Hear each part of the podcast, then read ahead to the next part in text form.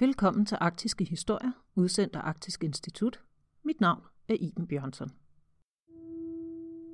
verdenskrig fylder meget i danskernes historiske bevidsthed. Men når vi taler om det her i Danmark, så handler det jo mest om besættelsen. Hvad mange ikke ved er, at krigen faktisk også kom til Grønland, hvor den ikke bare kostede menneskeliv, men også førte store forandringer med sig. Det er den historie, vi skal høre i dag. Besættelsen af Danmark den 9. april betød jo øh, en fuldstændig omvæltning i Grønland. Der var jo også reelt krig i Grønland. Tysklands besættelse af Danmark den 9. april 1940 betød, at al skibstrafik mellem Danmark og Grønland blev afbrudt. Grønland blev på det her tidspunkt styret fra København af departementet med det mundrette navn Grønlands Styrelse. Lokalt i Grønland havde man så to landsfoder, som var udpeget af styrelsen og tog sig af at administrere kolonien i det daglige. Landsfoden for Nordgrønland hed Eske Brun, og landsfoden for Sydgrønland hed Axel Svane. Historiker Jens Heinrich har blandt andet behandlet den her periode i sin Ph.D.-afhandling om netop landsfodet Eske Brun og tilblivelsen af det moderne Grønland. Vi satte os i den kongelige bibliotekshave for at tale lidt om, hvad krigen betød for Grønland, og jeg spurgte, hvad den umiddelbare reaktion var i Grønland på besættelsen. I første omgang, så, så tror jeg egentlig, man var ret rådvilde. Man havde jo lavet noget forberedelse, man havde fået sendt ekstra vareforsyninger op, og man var på et eller andet plan forberedt, men det kom alligevel som et chok. Man stod pludselig uden forbindelsen til, til moderlandet og den støtte, man fik fra Danmark. Og i første omgang var det jo så den her rådvidenhed. Hvad skal der ske nu? Hvor skal vi få varer fra? I tilfælde af, at forbindelserne mellem Grønland og Danmark blev afbrudt, så havde landsfoderne hjemmel til at overtage styringen af Grønland midlertidigt. Men der var heller ikke helt enighed om, hvor meget de forbindelser nu også var afbrudt, og dermed hvad der skulle ske. Det, der stod klart i løbet af ganske få timer, var, at den forbindelse mellem det besatte Danmark og Grønland ikke kunne opretholdes. Eller rettere, når jeg nu siger, at det stod klart, så stod det klart set fra USA og Grønlands side. I København, hvor man jo i og for sig byggede på den fiktion, at man stadig var suveræn og neutral, der synes man egentlig, at det var naturligt nok, at man fortsatte. Det her var historiker og forfatter Bo Lidegaard. Og nu spørger du måske dig selv om, hvorfor han pludselig taler om USA. Svaret er et spørgsmål om simpel geografi. Grønland var nemlig omfattet af den såkaldte Monroe-doktrin fra 1823, som var en vigtig byggesten i amerikansk udenrigspolitik.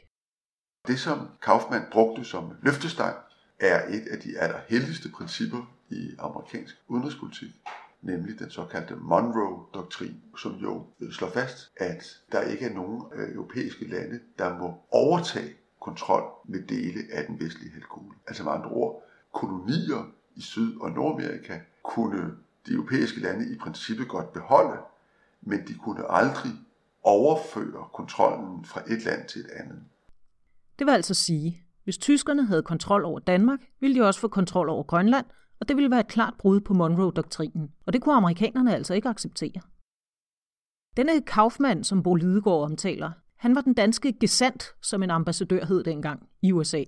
Bo Lidegaard har skrevet doktordisputat om netop Henrik Kaufmann, og Kaufmann han involverede sig i spørgsmålet om Grønland helt fra besættelsens start. Han lænede sig meget hårdt ind over amerikanerne for at overbevise dem om, at de under ingen omstændigheder kunne eller burde acceptere, at det var København, der så at sige styrede Grønland. Og så var der en anden ting. Den danske regering og den tyske besættelsesmagt kunne sidde nok så meget i København og mene, at Danmark stadig havde suveræniteten over Grønland, men der var ikke ret meget, de kunne gøre ved det i praksis, for de havde ikke adgang til Grønland. I praksis var det USA, der tegnede sig som det land, man kunne handle med og få forsyninger fra. Amerikanerne henvendte sig hurtigt til Grønland efter at besættelsen var et faktum, med et forslag om at sende en amerikansk konsul til Grønland. Landsrådene takkede ja, og den amerikanske konsul ankom med skib allerede i slutningen af maj 1940. Og i sommeren 1940 der tog Eske Brun til Washington for at forhandle med amerikanerne om det fortsatte forhold. Derfor blev det meget hurtigt den amerikanske politik, at Grønland måtte administreres ikke fra København, men lokalt af de to landsfoder, som var sat ud fra København, øh, Axel Svane og Eske Brun, og som havde mandat til at administrere landet i tilfælde, hvor forbindelsen til Danmark blev afbrudt. Så Grønland skulle administreres af landsfoderne, men også via Washington, hvor jo Henrik Kaufmann sad. Og så skulle alt jo være i skønneste orden. Men det var det ikke. fordi nu begyndte en magtkamp mellem landsfoderne og Kaufmann om, hvem der skulle have mest at sige. Der opstod så en bitter konflikt mellem på den ene side landsfoderne og på den anden side Henrik Kaufmann. Landsfoderne mente, at de var sådan set repræsentanter for regeringen, kvæg det mandat, de havde, og at Kaufmann var så at sige deres ambassadør i Washington. Kaufmann mente omvendt, at han repræsenterede den frie danske regering, der havde sendt ham ud i 1939, og som nu ikke fandtes mere, og at Kaufmann derfor var regeringen, og landsfoderne var så at sige hans lokale landsfoder i Grønland, som skulle have instruktioner af ham. I den kamp vandt Henrik Kaufmann entydigt. Egentlig var Eske Brun med på at udmanøvrere Axel Svane. Han og Kaufmann var nemlig mere USA-venlige end Axel Svane, som de synes var alt for venlig indstillet, eller man skulle måske sige føjeligt, over for regeringen i København. Der er jo den forskel mellem Axel Svane og Eske Broen, at Axel Svane gerne vil gå den danske regeringsvej, altså er, er forbi neutral, men Eske Broen er indstillet på, at man er nødt til at vælge side. Man er nødt til at kan man sige, skabe en kontakt til amerikanerne, og man må hjælpe amerikanernes kamp og, og hjælp til de allierede. Og det giver sig så udslag i, at Axel Svane faktisk bliver kørt ud på et tidsspor. Han ender i USA som underordnet Kaufmann, og Eske Broen kommer jo så til at tegne linjen i Grønland. I sommeren 1941 tog Svane afsted til Washington for at lede Grønlands styrelses delegation derover, og der bliver han altså resten af krigen uden at få nogen synderlig indflydelse. Og dermed kunne Eske Brun, som jo ellers var landsfod i det betydeligt mere tyndt befolkede Nordgrønland, slå sig ned i Nuuk som eneste landsfod resten af krigen. Men hvis han troede, at han nu var den, der havde det sidste ord over Grønland, ja, så tog han altså fejl. Eske Brun havde nok forestillet sig, at han dermed havde indgået en alliance med Henrik Kaufmann, som gjorde, at de to stod sammen. Øh, og det havde de også på, på et plan, men på det andet lykkedes det Henrik Kaufmann at udmanøvrere Eske Brun øh, som den, som amerikanerne ville forhandle med. Der tror jeg egentlig, Kaufmanns dygtighed som embedsmand, som, som gesandt, efterhånden skinner igennem. Han, han har de rette kontakter, og han får altså fremmet sin egen sag i og med, at han befinder sig i USA, og han ved, hvordan spillet spilles. Det, der for alvor markerer, at Kaufmann så at sige er løbet af med sejren i den her magtkamp, det er aftalen om amerikanske baser i Grønland. Det hang sammen med den utrolig dramatiske udvikling, tingene tog med hensyn til Grønland hen over vinteren 40-41, da det jo så ud som om, at britterne kunne, kunne tabe, at øh, det måske ville lykkes tyskerne at sætte over kanalen og besætte øh, England.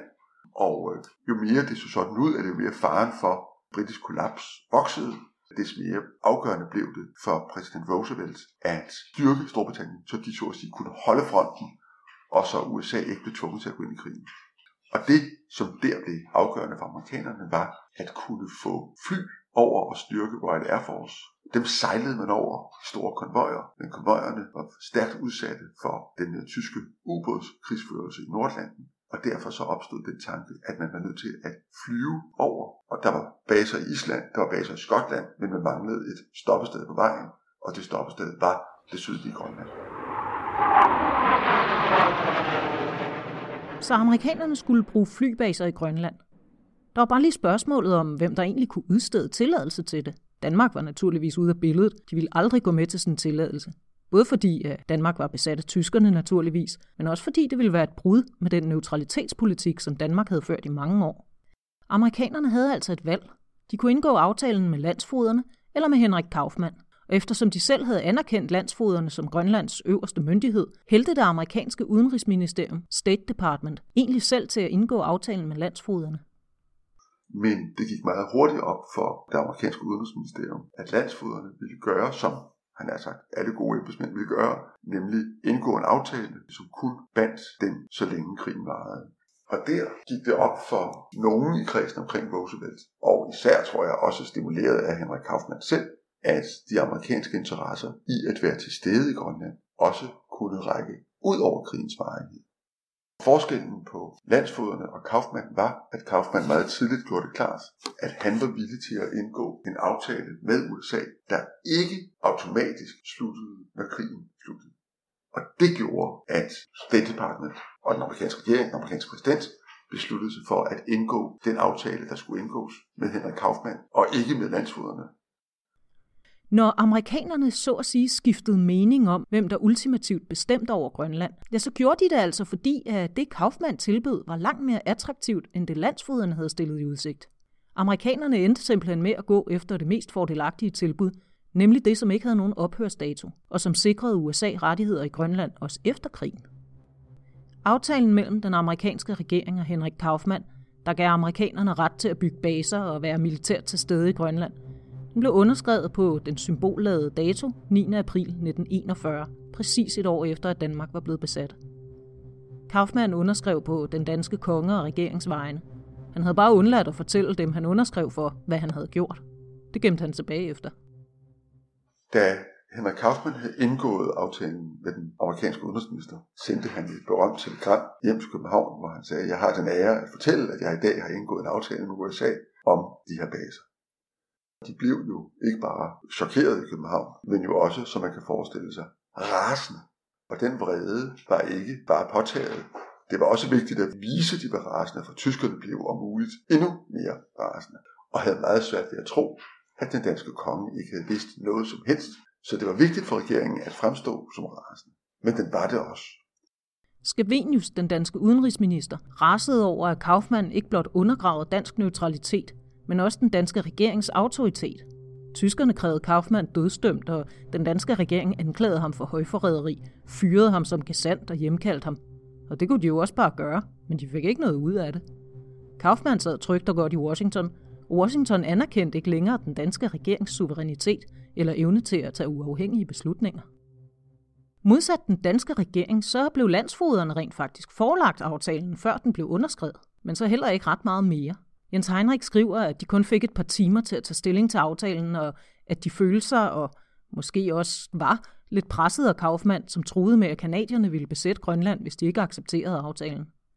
Egentlig var både Svane og Brun indstillet på at indgå en aftale med amerikanerne, og de var villige til at stille Grønland til rådighed for amerikanske baser.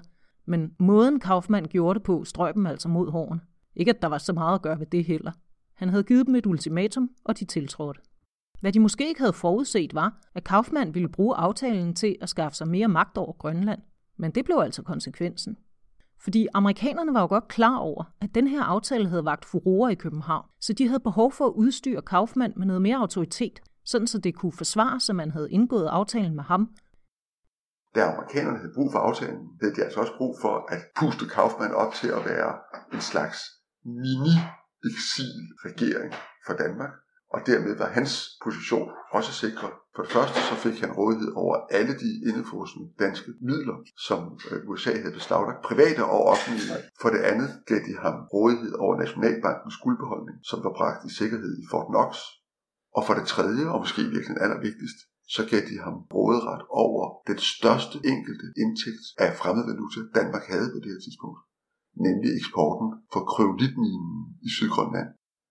Det gjorde lige pludselig, at Kaufmann jo også til sine kolleger rundt omkring i verden kunne sige, hvis I slutter jer til mig som en slags uafhængig udenrigstjeneste og bryder med København, så kan jeg betale udgifterne til ambassadernes opretholdelse og diplomaternes løn osv. USA oprettede under krigen 14 stationer i Grønland. Ni af dem lå på Grønlands vestkyst og blev kaldt Bluey West 1-9. De øvrige fandtes på østkysten og hed Bluey East 1-5. Nummer 4 og 5 var bemandet af dansk og grønlandsk personale, og dem kommer vi tilbage til. Men først skal vi lige tale lidt om, hvor vildt det egentlig var, at amerikanerne altså nu havde adgang til Grønland. Fordi siden 1776 havde Danmark haft monopol på besejling og handel, og dermed suverænt bestemt over, hvem der kunne og hvem der ikke kunne komme til Grønland. Nu var det monopol brudt. Danmark havde tit begrundet monopolet med at ville beskytte grønlænderne mod verdens fortrædeligheder.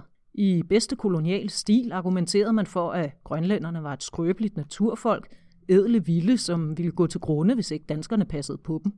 Man kunne også argumentere for, at den her beskyttelse af den grønlandske livsstil i virkeligheden gik ud på, at man havde brug for grønlændernes evner som fanger og jægere for at kunne tjene penge på træn og skind.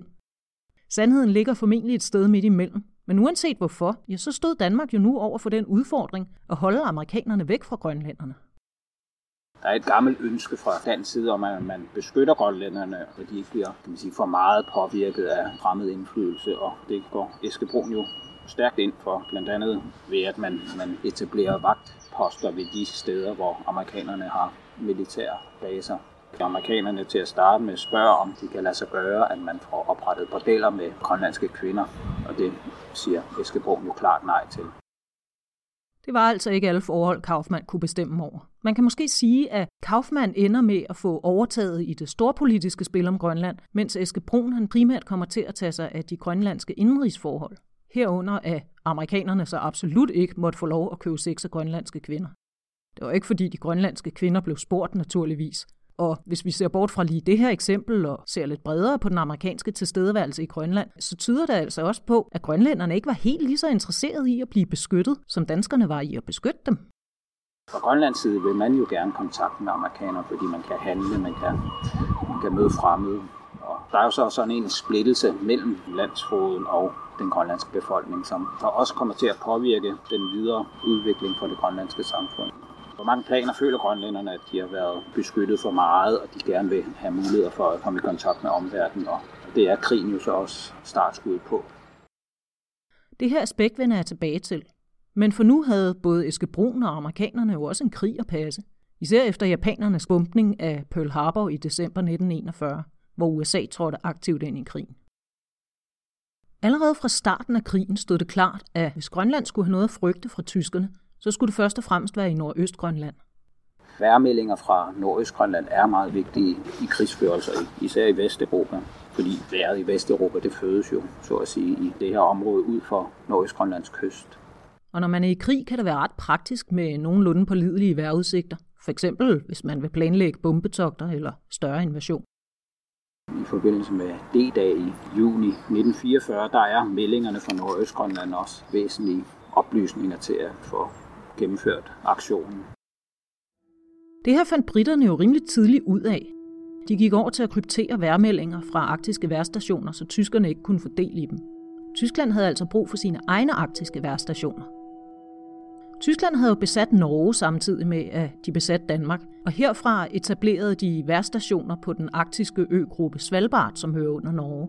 Men værstationer i Grønland var altså også ret attraktivt. Og i den anledning fandt nazisterne og den norske regeringschef Kisling nogle gamle norske krav frem og stødte dem lidt af igen. Quisling han udtaler sig om, at Nordøstgrønland og Island for den sags skyld og Færøerne jo egentlig hører til det her gamle norske lebensraum. Så der er jo et, et norsk ønske understøttet af Nazi-Tyskland om, at de her områder de skal høre ind under Norge. Grønlands østkyst kunne nås fra Tromsø, som var under tysk kommando. Og det var altså også herfra, at tyskerne forsøgte at gennemføre planerne om at etablere værstationer i Grønland.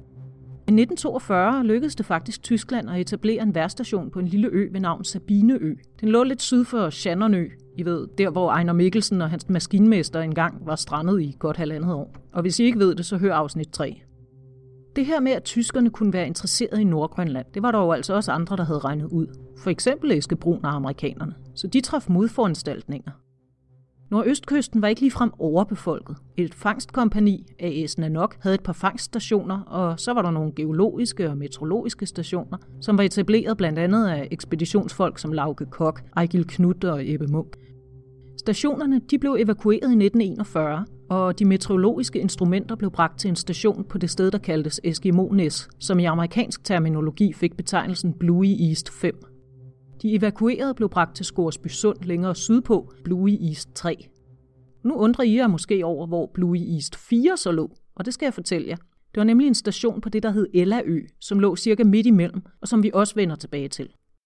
I 1941 der oprettede Eske Brun med amerikansk støtte en patrulje, der netop skulle patruljere nordøstkysten for at forhindre tyskerne i at etablere de her værstationer. Nok havde USA overtaget det militære forsvar af Grønland, og nok havde de både skibe og fly til at patruljere med. Men alt det var ikke altid til nytte i Nordøstgrønland, hvor drivisen lå tykt og forhindrede adgang til kysterne, og hvor der var mørkt det meste af vinterhalvåret. Nordøstkysten var simpelthen nødt til også at blive patruljeret fra land. Og udover at det blev gjort bedst af de danske og grønlandske fangere, som kendte området og var vant til at færdes i det, ja, så var der måske også en lille bonus for Eskebro. I Grønland og specielt ud fra Eske Bruns vinkel, så er der jo også det her med, at man faktisk er ret skuffet over den danske indsats Så man vil jo gerne aktivt gøre noget for at vise, at Danmark også kæmper for den allierede sag. Patruljen bestod af danske og grønlandske fangstfolk, som var vant til at færdes på østkysten. Patruljens leder hed Ib Poulsen, og patruljen fik hovedkvarter på Eskimo-Næs, altså Blue East 5. Her overvintrede syv mand vinteren 1942-43, og det var herfra, at den nok mest dramatiske hændelse i Grønland under krigen udspillede sig. I Poulsen beskrev den i en rapport til Eske Brun i foråret 1943. Den rapport har vi liggende i Arktisk Institut. Vi har også et interview med en af hovedpersonerne, Marius Jensen, og så har vi en dagbog, ført af et andet patruljemedlem, Kurt Olsen. Det er primært de her tre kilder, som jeg bygger den følgende beretning på. Marius Jensen han tog ud på patrulje den 8. marts 1943 sammen med to grønlandske patruljemedlemmer, Michael Kunak og William Arke. De nåede Sabineø, cirka 100 km nordøst for Eskimones, hvor der lå en fangsthytte. Hvad de ikke havde regnet med, var, at hytten så beboet ud. Der kom røg op af skorstenen, og der var fodspor på isen i nærheden. Da patruljen nærmede sig, løb to mænd op af fjellet væk fra hytten, og i hytten fandt de ganske rigtigt også spor efter ubudne gæster. To dunsoveposer, en uniformsfrakke, grøn med tysk værnemagsørn og hagekors, to nasedolke, endvidere ganske lidt proviant og kul, med næsten en halv bjørn og et afflået, urenset bjørneskin. De tre mænd satte næsen tilbage mod Eskimones for at aflægge rapport, men Marius Jensen han vurderede, at hunden havde brug for at hvile ud, så de stoppede og overnattede i en hytte blot 8 km syd for Sabineø. Ifølge i Poulsen var det et fuldstændig forkert resonemang, som dog blev undskyldt af Marius Jensens senere gerninger. Men her sad de tre altså ved aftenstid den 11. marts, da de pludselig hørte nogen nærme sig hytten. Og på grund af mørket kunne de ikke finde ud af, hvor mange. Der var ikke tid til at spænde hundene for, så de tre flygtede til fods op i fjellet og videre til Eskimones, hvor de ankom halvanden dag efter og slog alarm med meddelelsen om, at der var tyskere på Sabineø. Og fordi de flygtede over hals og hoved, så efterlod de jo deres ting. Og en ting var, at tyskerne stjal de tre hundesleder og alle hundene. Hvad der var langt værre var, at Marius Jensen havde efterladt sin dagbog i hytten. Kurt Olsen skrev i sin dagbog. Det er et meget alvorligt tab, vi har lidt, at over halvdelen af vores hunde og tre slæder med fuld udrustning går tabt. Desuden fik fritzerne også fat på Marius rejseinstrukser og dagbøger, så bedre besked om, hvad vi laver, kan de ikke få. På Eskimones forskansede de tilstedeværende sig, men da den ventede amerikanske hjælp udeblev, så man sig efterhånden nødsaget til at foretage sig noget selv.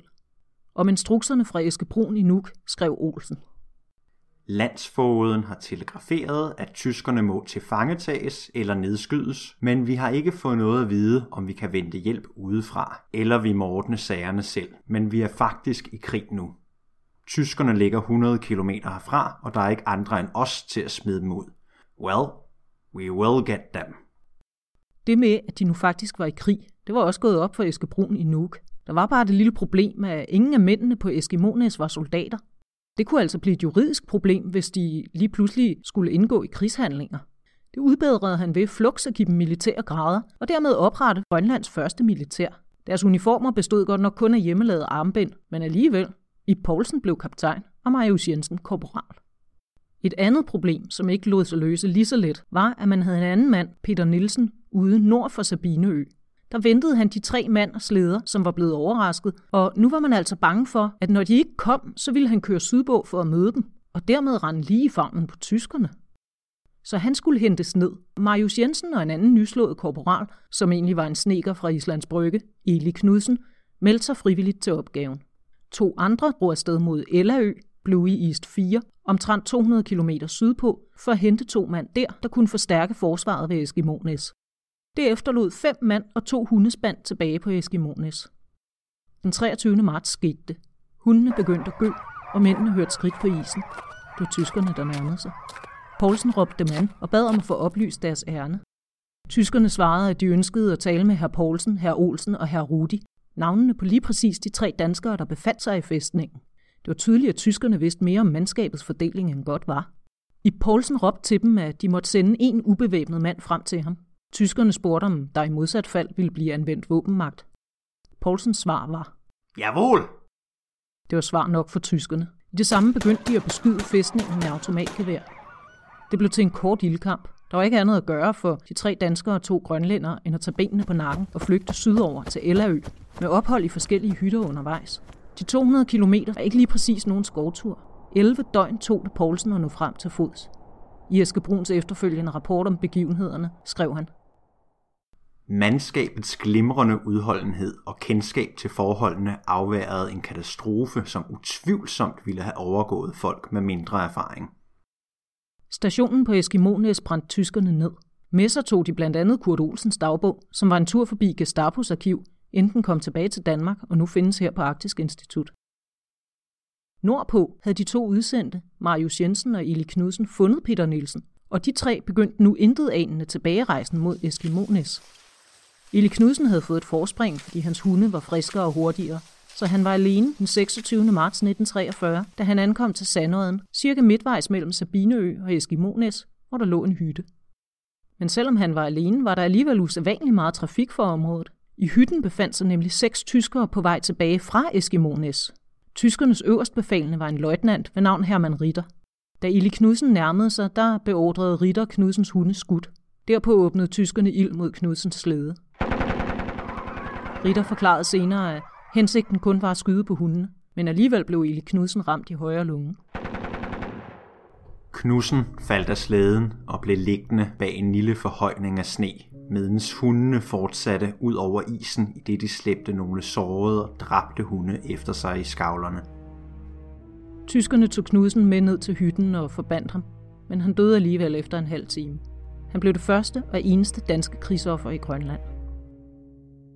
Marius Jensen og Peter Nielsen med de trætte hunde havde slået lejr et stykke derfra, lykkeligt uvidende om, at deres kammerat var faldet.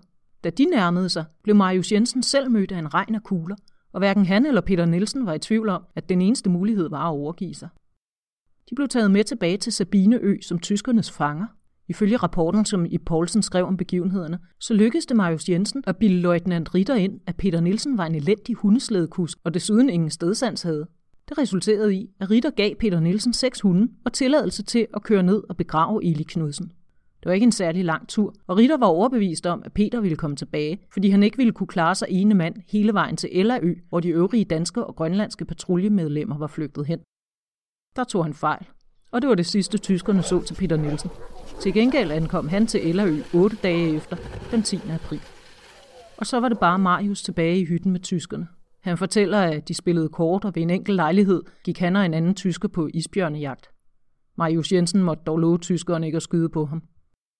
Men der kunne de jo heller ikke bare blive og spille kort og gå på jagt med en ritter. Han planlagde at ødelægge depoterne og radioanlægget på Ellaø, og besluttede derfor at tage sydpå. De tog fra Sabineø to slæder og seks mand, Marius Jensen, Ritter og fire andre tyskere. Den 19. april befandt de sig omtrent halvvejs mellem Sabineø og Ellaø, på en station med det lidet flatterende navn Myggebugten.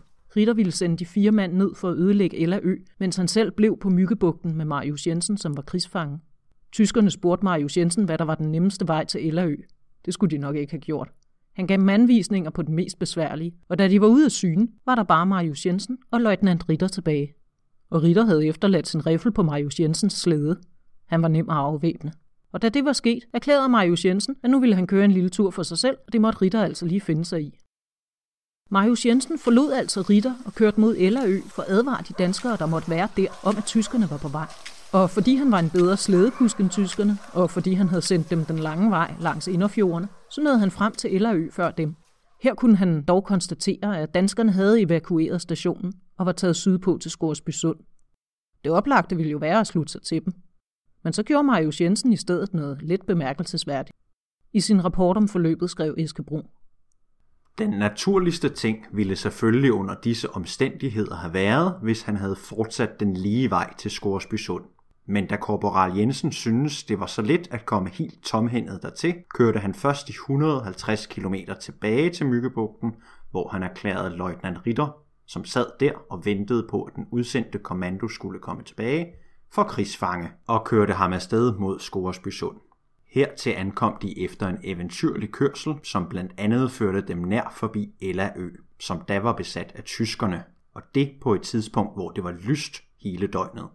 I øvrigt behøves der formentlig ikke meget fantasi, for at man skulle kunne forestille sig, hvad det betyder at rejse i tre uger med en tysk fange, som man er alene om at passe på hele døgnet. De ankom til Kap Håb ved Skorsby Sund natten mellem den 14. og 15. maj.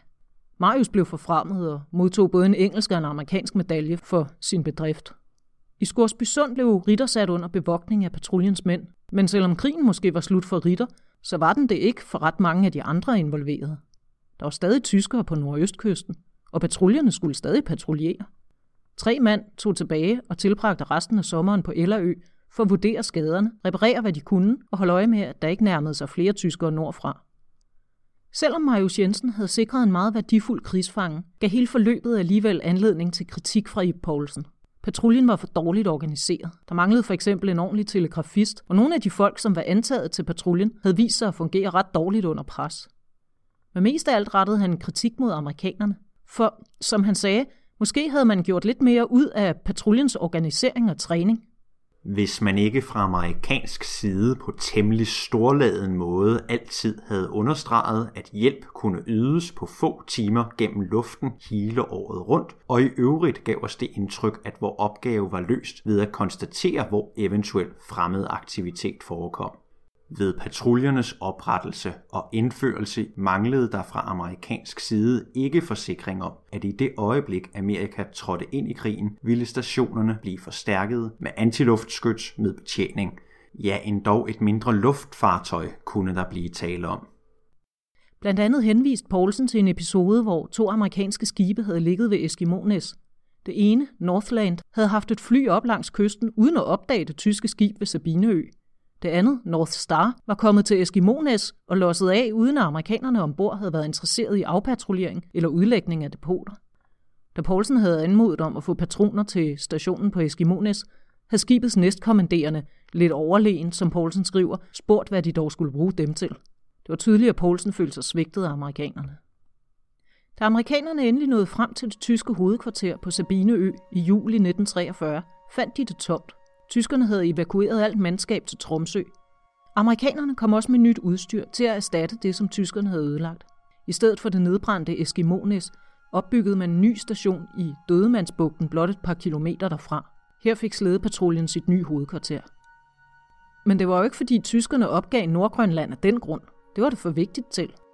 I sensommeren 1943 etablerede de sig nu på Shannonøen, der hvor Ejner Mikkelsen og Iver Iversen var strandet på Alabama-ekspeditionen. Tyskerne brugte da også hytten, som Mikkelsen og Iversen havde bygget af Alabamas vrag. Også denne gang blev tyskerne opdaget af slædepatruljen, og også denne gang måtte patruljen se langt efter den amerikanske forstærkning, de var blevet lovet. Det kom til en træfning, hvor en tysk soldat blev skudt og mistede livet i april 1944. Danskerne trak sig derefter tilbage, og tyskerne evakuerede af der engang. I løbet af 1944 forsøgte tyskerne endnu to gange at oprette værstationer i Nordøstgrønland, men i begge tilfælde blev de opdaget af amerikanske skibe, inden de fik etableret sig. Befrielsen kom, og forbindelsen til Danmark blev etableret igen. Men hvis nogen havde troet, at alt så kunne gå tilbage til det gamle, skulle de blive slemt skuffet. Og det var der faktisk nogen, der troede. I Danmark, Grønlands styrelse, der har man jo slet ikke forståelse for den udvikling, der er sket under krigen. Så der er jo forskellige opfattelser af, hvilken vej det skal gå fra dansk side og fra de folk, der har været i Grønland. Og det giver så også udslag i, at der er en kamp mellem reformkræfter og så mere traditionelle kræfter i tiden efter 2. verdenskrig. For Grønland var monopolet brudt, og de havde ikke tænkt sig at vende tilbage til isolation.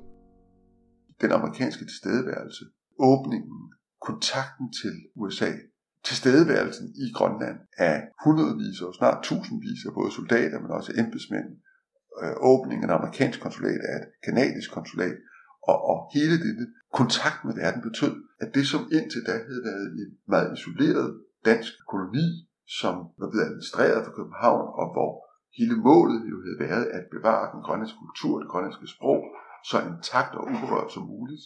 Hele den politik blev i praksis kuldkastet, og de ledende grønlandske politikere og personligheder fik en kontakt og et blik for omverdenen, som gjorde, at de, da krigen var forbi, kunne se, at sådan kunne man ikke fortsætte. Ifølge Jens Heinrich, så var det simpelthen også et spørgsmål om, at man nu havde prøvet at stå på egne ben. Undervejs finder man så ud af, at man egentlig godt kan selv, at man har sige, ressourcer, altså kryolitten blandt andet, til at understøtte det økonomiske. Man oparbejder en selvtillid, man finder ud af, at man godt kan mange ting selv, at man ikke behøver at blive guidet ved hver en lille ting. Og det skaber jo den her følelse af, at man godt kan tage næste skridt. Man kan godt få mere indflydelse på, hvordan tingene bør være. Og det afføder så også en hel masse tanker og faktisk også en del skriverier i aviserne, som viser, at man tager et standpunkt, og man gerne vil ændre styringen af Grønland. Krigen blev altså simpelthen en katalysator for nogle kæmpe forandringer i Grønland, som blandt andet betyder en ændring i grundloven og Grønlands formelle overgang fra koloni til en del af det danske rige med repræsentation i Folketinget. Men det er en anden historie, som jeg forhåbentlig får lejlighed til at fortælle en anden dag. Men ud over de her store samfundsomvæltninger, så var der også en ny militær virkelighed. Fordi 2. verdenskrig blev afløst af den kolde krig, og Sovjetunionen tegnede sig som den ny alt overskyggende trussel.